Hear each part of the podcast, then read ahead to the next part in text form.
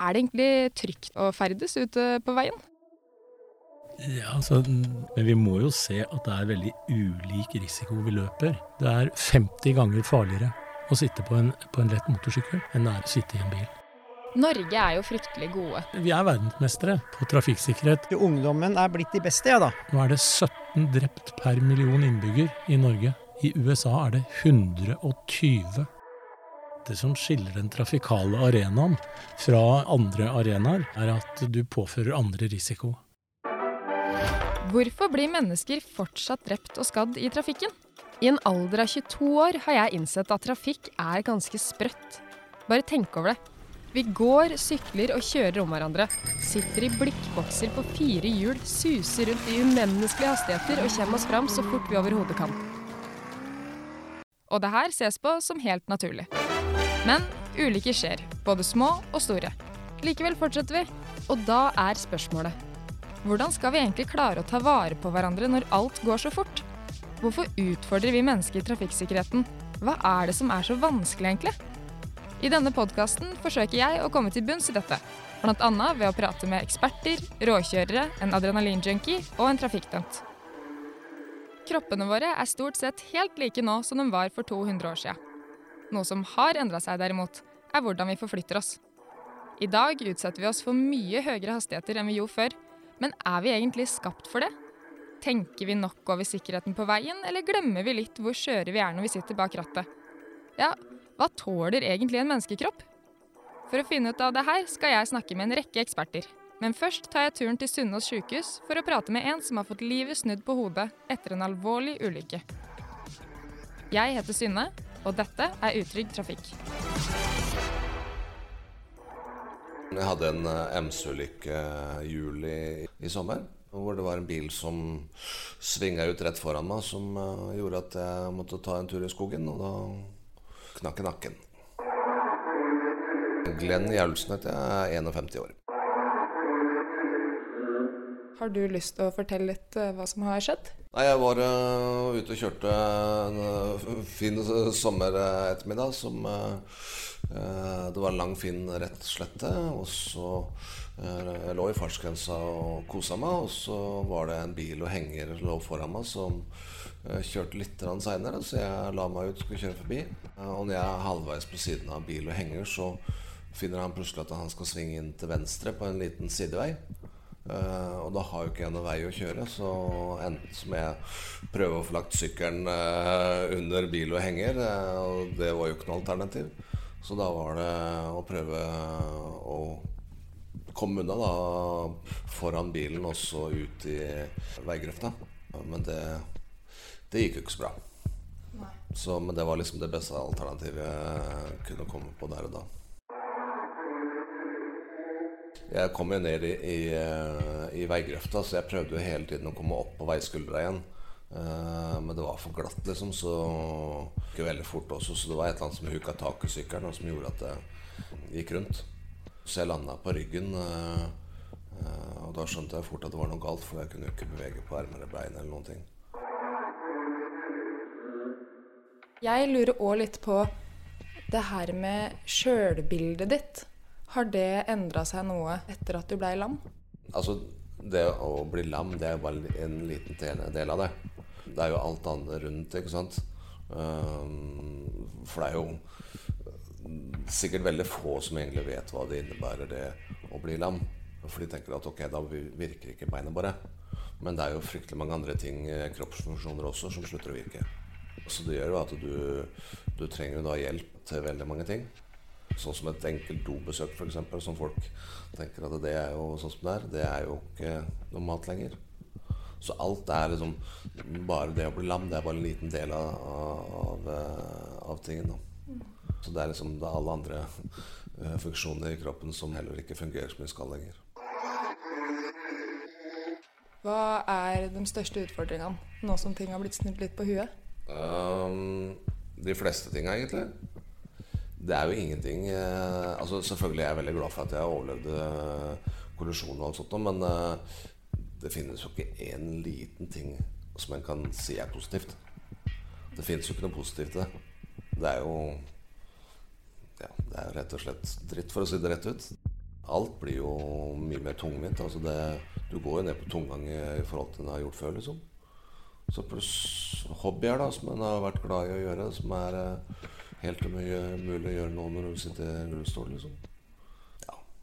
Det er ikke mye, ikke mye hyggelig. Det er det ikke. Altså Det som er mest slitsomt, er jo at eh, altså Før da så hadde du muligheten til å være mye mer privat. Og, og hvis du hadde lyst til å ha kontakt med mennesker, så, så oppsøkte du det. ikke sant? Nå må du ha det, enten du vil eller ikke. Eh, for du har ikke noe valg. Og så den der eh, luksus med at du kan lukke døra og være for deg sjøl, den, den, eksisterer jo ikke lenger. For da er du avhengig av å ha hjelp av mennesker. Og det, det er også ganske slitsomt at ikke du kan styre livet ditt. Du er liksom avhengig av andre mennesker for å få gjort de tinga, basic tinga du må ha gjort. da. Ja, den kan jeg absolutt uh, det, skjønne. Det er, det er, vel kanskje noe av det tøffeste. At du, ikke, du, du kan ikke velge å være aleine, liksom, for at uh, du er avhengig av å, få hjelp. Var en sånn her ulykke noe du var redd for, eller frykta, eller tenkte mye på? Ja, altså du tenker egentlig på det hver gang du, du vrir om nøkkelen på sykkelen. For at det, du kjører alltid så du har vikeplikt på alle, i alle trafikksituasjoner. Eh, fordi at du, du, må nesten regne med at bilisten bilistene ikke tar hensyn til deg. Du er veldig, veldig, veldig sårbar. Det vi hørte her nå, det var altså Glenn Gjerulsen fra ei sykehusseng på Sunnaas som fikk livet sitt snudd eh, etter ei motorsykkelulykke. Altså, man får jo lyst til å spørre seg sjøl da, om det i det hele tatt eh, kan være trygt å ferdes i trafikken. Vi skal prate litt om hvordan vi mennesker tilpasser oss der ute på veien. Og med meg i studio i dag så har jeg To eksperter på eh, feltet. Sjefsingeniør ved Statens vegvesen, Arild Ragnøy, velkommen til deg. Takk for det. takk for det. Og I tillegg så har vi Trond Boje Hansen, som er tidligere ambulansesjåfør, og som nå jobber for Statens havarikommisjon. Velkommen til deg. Jo, tusen takk. Tusen takk. Når vi hører på det her, så vi er jo litt inne på det at det, det kan skje alle uh, ulykker. Er det egentlig trygt å ferdes ute på veien? Ja, altså, Vi må jo se at det er veldig ulik risiko vi løper. Noen er, sitter mer beskyttet enn andre. Og, og, så vi må tror jeg, være bevisst og innse at f.eks. motorsykler de, de, har en risiko som er 40-50 ganger større enn en bilfører utsetter seg for ved å kjøre den samme distansen. Så, så, ja, det går an å kjøre motorsykkel relativt trygt også, men det er aldri så trygt som det er å kjøre bil. Hvis vi går 25 år tilbake i tid, så, så tålte vi mindre i en møteulykke. I en, da, da, da snakket, altså 25 år og bakover snakker man om en, om en maks tålegrense for kanskje hva organene tålte i kroppen på en front til front i 70 km, ikke mer enn det. Forutsatte eh, like tunge kjøretøy, da.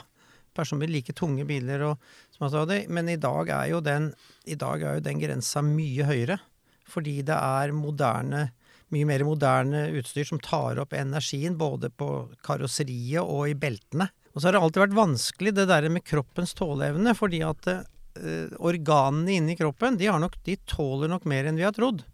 Men, men nakke og rygg, altså skjelett som nakke og rygg, tåler, tåler, mindre. Det tåler vel like lite som det alltid har gjort, for så vidt. Men eh, i en moderne bil i dag så er det nesten umulig å bli alvorlig skadd. Hvis vi gjør de riktige tingene, da forutsetter jeg eh, hastigheter på, på tofeltsvei opp, mot, opp mot 90. Men, men, da, det, men, det, forutsetter at det vi som er inni der, gjør de riktige tingene. Og det gjør vi faktisk dessverre ikke alltid nå. Nei, det gjør man ikke alltid. Mm. Men uh, bilbelte det skal man jo bruke uansett. Til og med i 20 km i timen. Hvorfor det, Arild? Nei, altså Vi har noen, noen, tommelfingerregler, og en av de er at vi bruker det bilbeltet. Kanskje det, det enkelttiltaket som, er, som er, har størst skadereduserende effekt. Men eh, vi ser, som, som Trond sier, at det er allikevel noen som ikke bruker dette bilbeltet.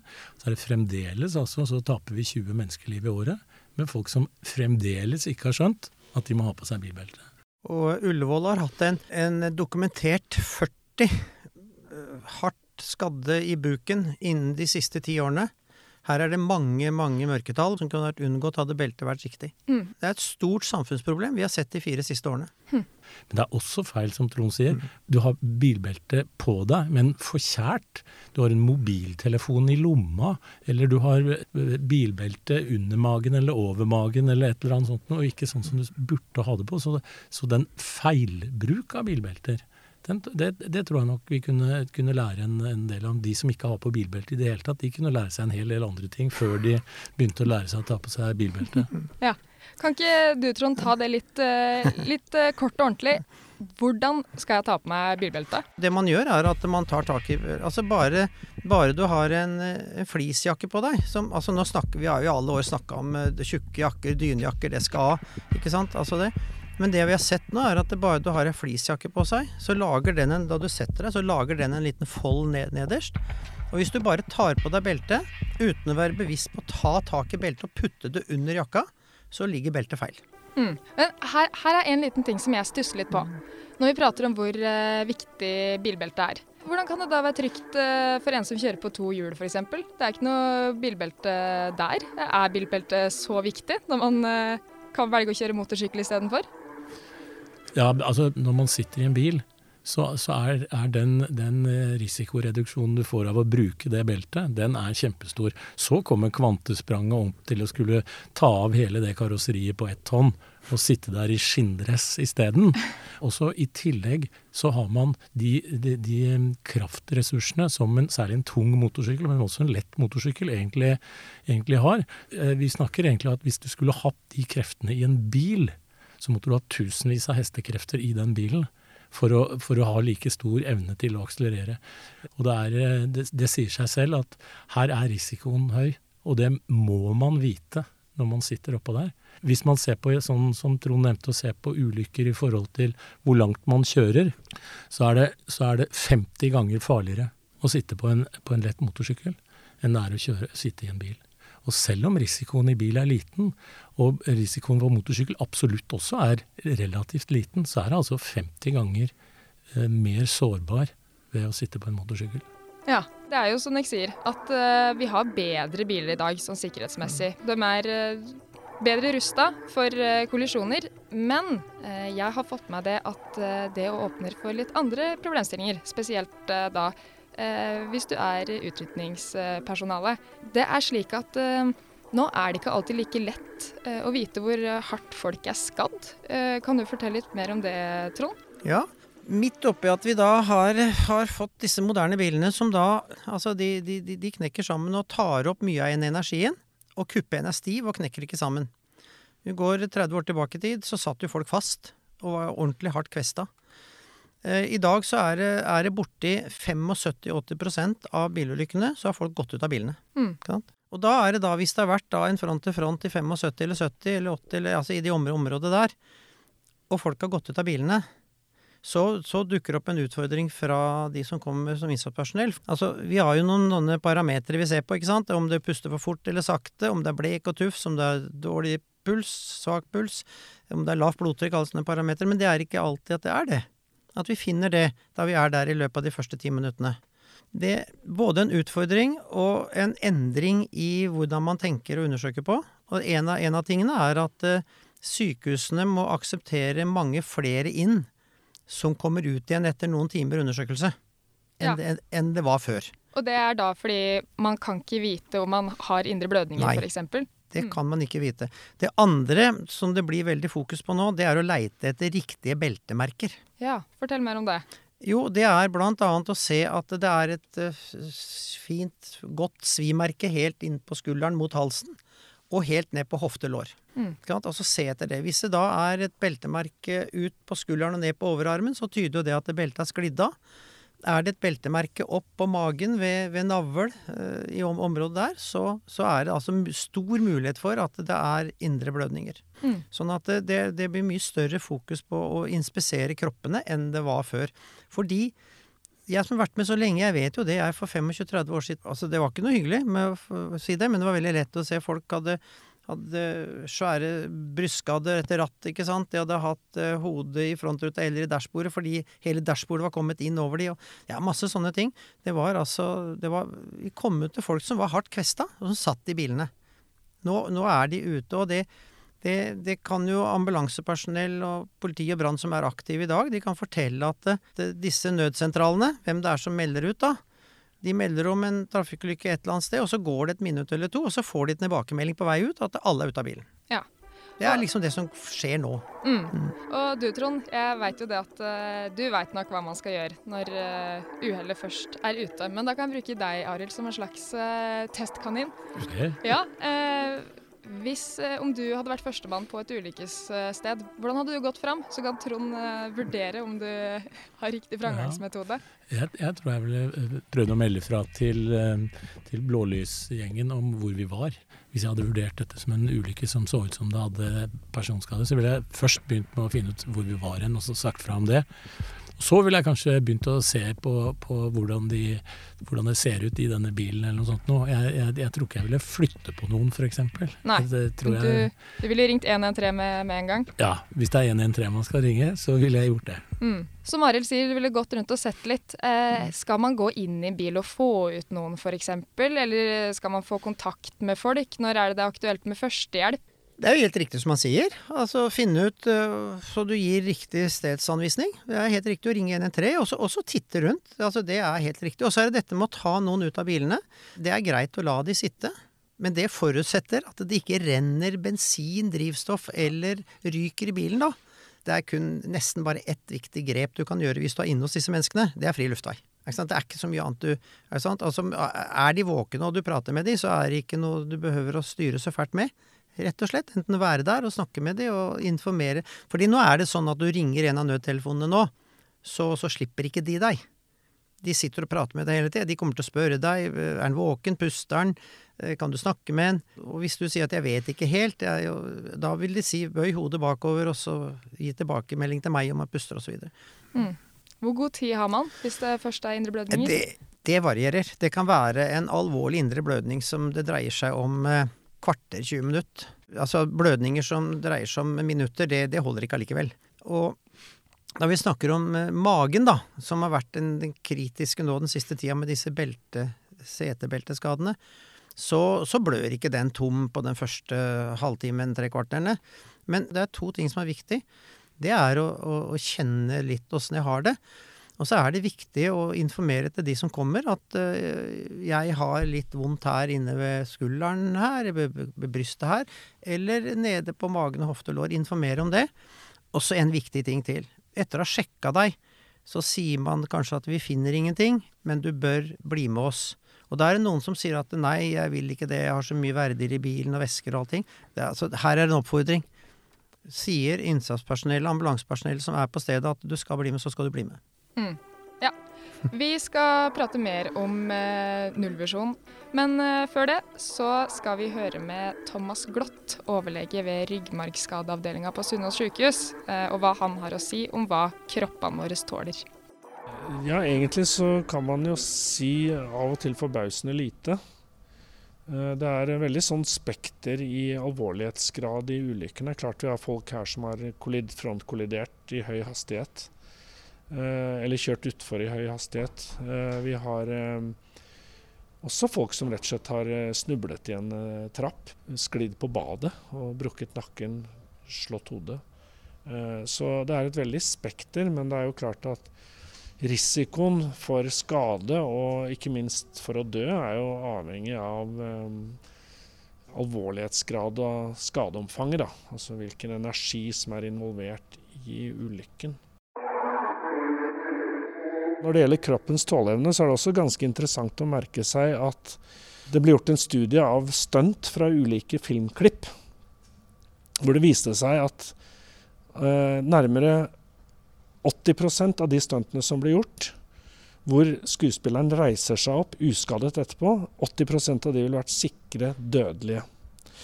Og Det er ganske interessant i en medieverden hvor man eh, ser eh, Tom Cruise blir eh, kastet over en bil og slengt rundt, og etterpå børster av seg støv og løper videre. I den virkelige verden ville han vært stein dau. Ja.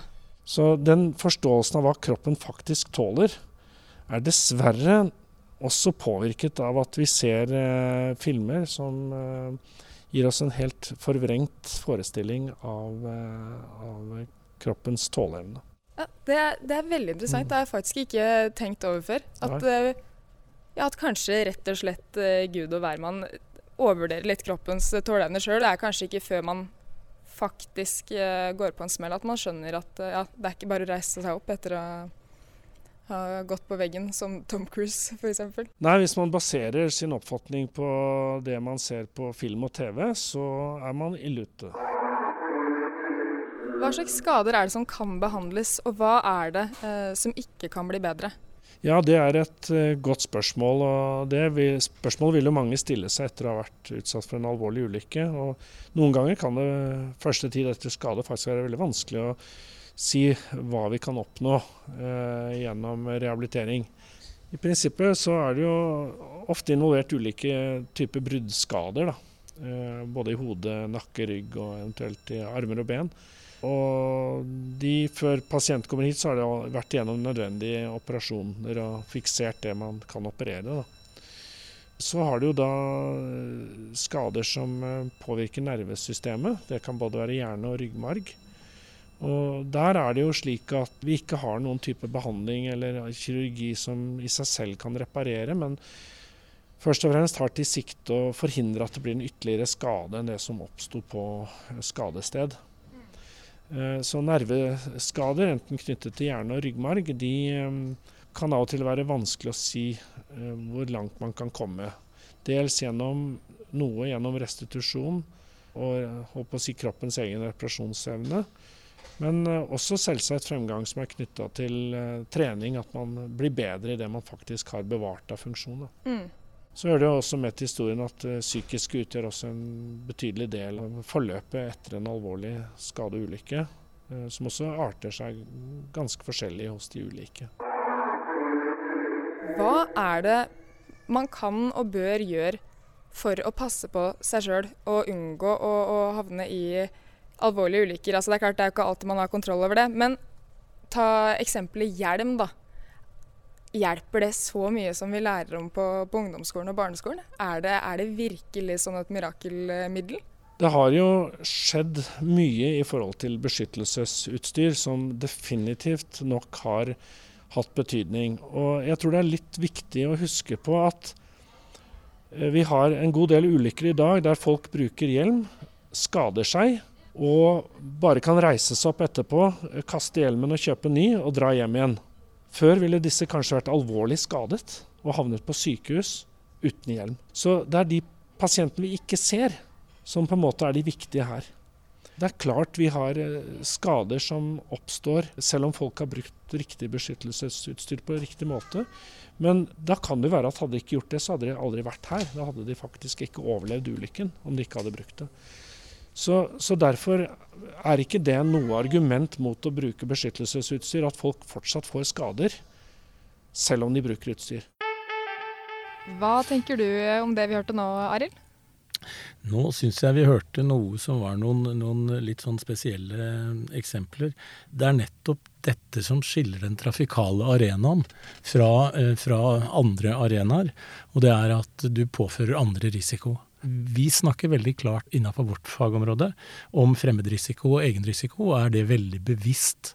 At det er denne fremmedrisikoen som da er at du kjører på meg når du har drukket. Det er det, er, det, er det du ikke kan akseptere. Det er, det er, ikke, tvilsomt kanskje, men, men det, er akseptabelt at jeg kjører i hjel meg selv hvis jeg kjører veldig stygt på veinettet. For meg har det en helt annen verdi enn det at noen kjører på et barn, eller en voksen for den saks skyld. Det at du da i tillegg gjør lovbrudd som gjør at du påfører en annen en ulykke, det er det som gjør trafikale arenaen spesiell.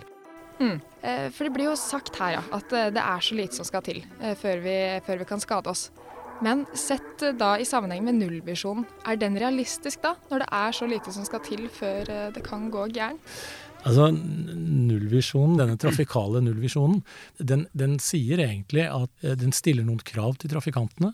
Den sier at alle mennesker er eh, like mye verdt, og det har et etisk perspektiv som gjør at det er ingen mennesker som har fortjent å dø i trafikk. Og så er det dette tåleevne-greiene. Og eh, som, som, Trond sier, det, det er vanskelig å si en entydig ting om tåleevne, men vi har brukt det innenfor et trafikalt område og sier at vel, en gjennomsnittlig fotgjenger kan, kan bli kjørt ned i, i 30 km i timen og ha en viss overlevelsessannsynlighet. Og Derfor så setter vi en fartsgrense innenfor eh, tettbygde strøk som er 30 km. Og da sier vi da er det, over, det er en akseptabel overlevelse i 30 km. Det samme gjør vi i byområder. Du kan overleve i en, i en sidekollisjon i 50 km i timen. Ja. En stor sannsynlighet. Og det samme på en, to, en vei ute på, på, landet, som vi ser. Eh, møteulykker. Det vil du kunne overleve i 70 km i timen. Derfor så har vi 70 km i timen som fartsgrense på veier hvor det ikke er midtdeler vi har, en, vi har en, en, ansvarsformulering i nullvisjonen hvor ansvaret er todelt. Som myndighet så sier vi at eh, ja, hvis dere holder dere til eh, lover og regler, så skal vi sørge for at dere ikke blir drept i veitrafikk. Og dette med nullvisjon, det, det, det er, helt reelt, det. Å ha det som en målsetning. Absolutt. Og, og det, er, det, er, mulig, det. Hvis, eh, hvis, som blir sagt her nå, at man, man gjør de riktige tingene. Man, man følger det, det som er lovpålagt. Og at man ikke minst eh, forholder seg til det som disse bilene er konstruert for. Altså at du skal sitte riktig og ha på deg beltet ordentlig osv. Norge er jo fryktelig gode når det kommer til trafikksikkerhet sånn i internasjonal skala. Hvorfor det, Arild? Hva, er det vi, vi, vi gjør som er så bra? Vi er verdensmestere på trafikksikkerhet. Det er mange forklaringer på hvorfor vi er verdensmestere på det. Vi har gjort et veldig grundig og kontinuerlig og kunnskapsbasert arbeid, pleier vi å si. Og vi har hatt denne, denne nullvisjonen. Og i trafikksikkerhetsarbeidet vårt så tror jeg den er et bredden vi har hatt. Eh, I hvert fall i de siste eh, Siden vi hadde toppåret 1970 med 560 drepte. Da var det over 100 barn som, mm. som ble drept i, i, trafikk. Og ned til vi nå har 100 totalt. Så har vi et bredt trafikksikkerhetsarbeid hvor vi har brukt den kunnskapen vi har om trafikksikkerhet på best mulig måte. Og vi har nå altså nå, har, nå, er det 17 drept per million innbygger i Norge. I USA er det 120 hm. drepte per million innbygger. Ja. De forventer 40 000 eh, drepte til neste år. Vanvittig. Men ungdom og nye sjåfører oppi, oppi, det hele, hvor ligger de? Hvordan er de representert på ulike statistikker? Jeg syns jo ungdommen er blitt de beste, jeg, ja, da. Og det er, tror jeg er fordi jeg mener sjøl at det har skjedd veldig mye forebyggende arbeid mot ungdom og bilkjøring og holdning. Og dødsstatistikken for 2020 så var jo ungdommen de som var gått mest ned. Og det var vel gruppa 30 til 48 eller der omkring som dessverre var høyt. Så jeg, jeg, skryter av ungdommen, jeg. Ja, det, det, er bra. Det skal vi gjøre. Det er viktig å skryte av ungdommen. Hvis vi ser på hvordan denne utviklingen i risiko for bilførere f.eks. har vært, så er det sånne uformede kurver. Altså, den er høy for de unge og høy for de gamle. Så er den lavest på midten. Og denne fasongen den har vært sånn siden begynte med sånne målinger, og det var i 1985. Og den har gått nedover og nedover. Disse u-ene har blitt, eh, blitt lavere og lavere. Og midten de på 45 og sånn, de har også gått nedover. Så alle har gått nedover. Men det har blitt størst endring blant de unge. For de hadde skyhøy risiko. Så ja, vi skal skryte av de unge, men de fremdeles, har fremdeles mye høyere risiko enn de på 45. Ja. Som har den laveste risikoen i Norge. Jeg har jo diskutert med mange, fordi jeg mener jo det at ungdommen er, har gjort et ordentlig grep. Og det er ungdommen det er blitt mindre risikovillig enn det var før. Og, og hvis, vi, hvis, vi, ser bare ned til, til Agder, da, for den jobben som er gjort der, så sier jo de at det er nesten aldri de ser en ungdom uten belte lenger. Det er, det er, helt, det er helt, historie. Og jeg fikk en, jeg fikk en statistikk om, om, forelegg for ikke-beltebruk for 2019. Og der viste det seg at da det gjaldt Agder-fylkene, så var det mellom mellom 16 og 24 år så var det sju stykker som hadde fått forelegg for ikke beltebruk. Men tallene for de andre aldersgruppene var mye, mye høyere. Sånn at uh, jeg, jeg, slår et slag for ungdommen. De, men det, det, har vært risikovillig, og det finnes ungdomsgrupper som fortsatt er risikovillige. Men jeg er ikke noe særlig glad for at ungdommen skal være verstinger, da det viste seg på dødsstatistikken i 2020 at de ikke var det. Er det én ting som er sikkert, så er det at ingen er uovervinnelige. Det er altså en grunn til alle sikkerhetstiltakene på veiene våre. Og ja, alt i alt handler det jo om å ta vare på kroppene våre. Som ekspertene sier sjøl, er målet om null skadde og null drepte i trafikken et mål vi faktisk kan oppnå. Og det er gode nyheter for oss som ferdes i trafikken. Om vi bruker setebeltet riktig, er oppmerksomme bak rattet og følger lovene slik vi skal, kan vi altså nå nullvisjonen. Og det er noe jeg som sjåfør skal ta med meg neste gang jeg drar ut på kjøretur.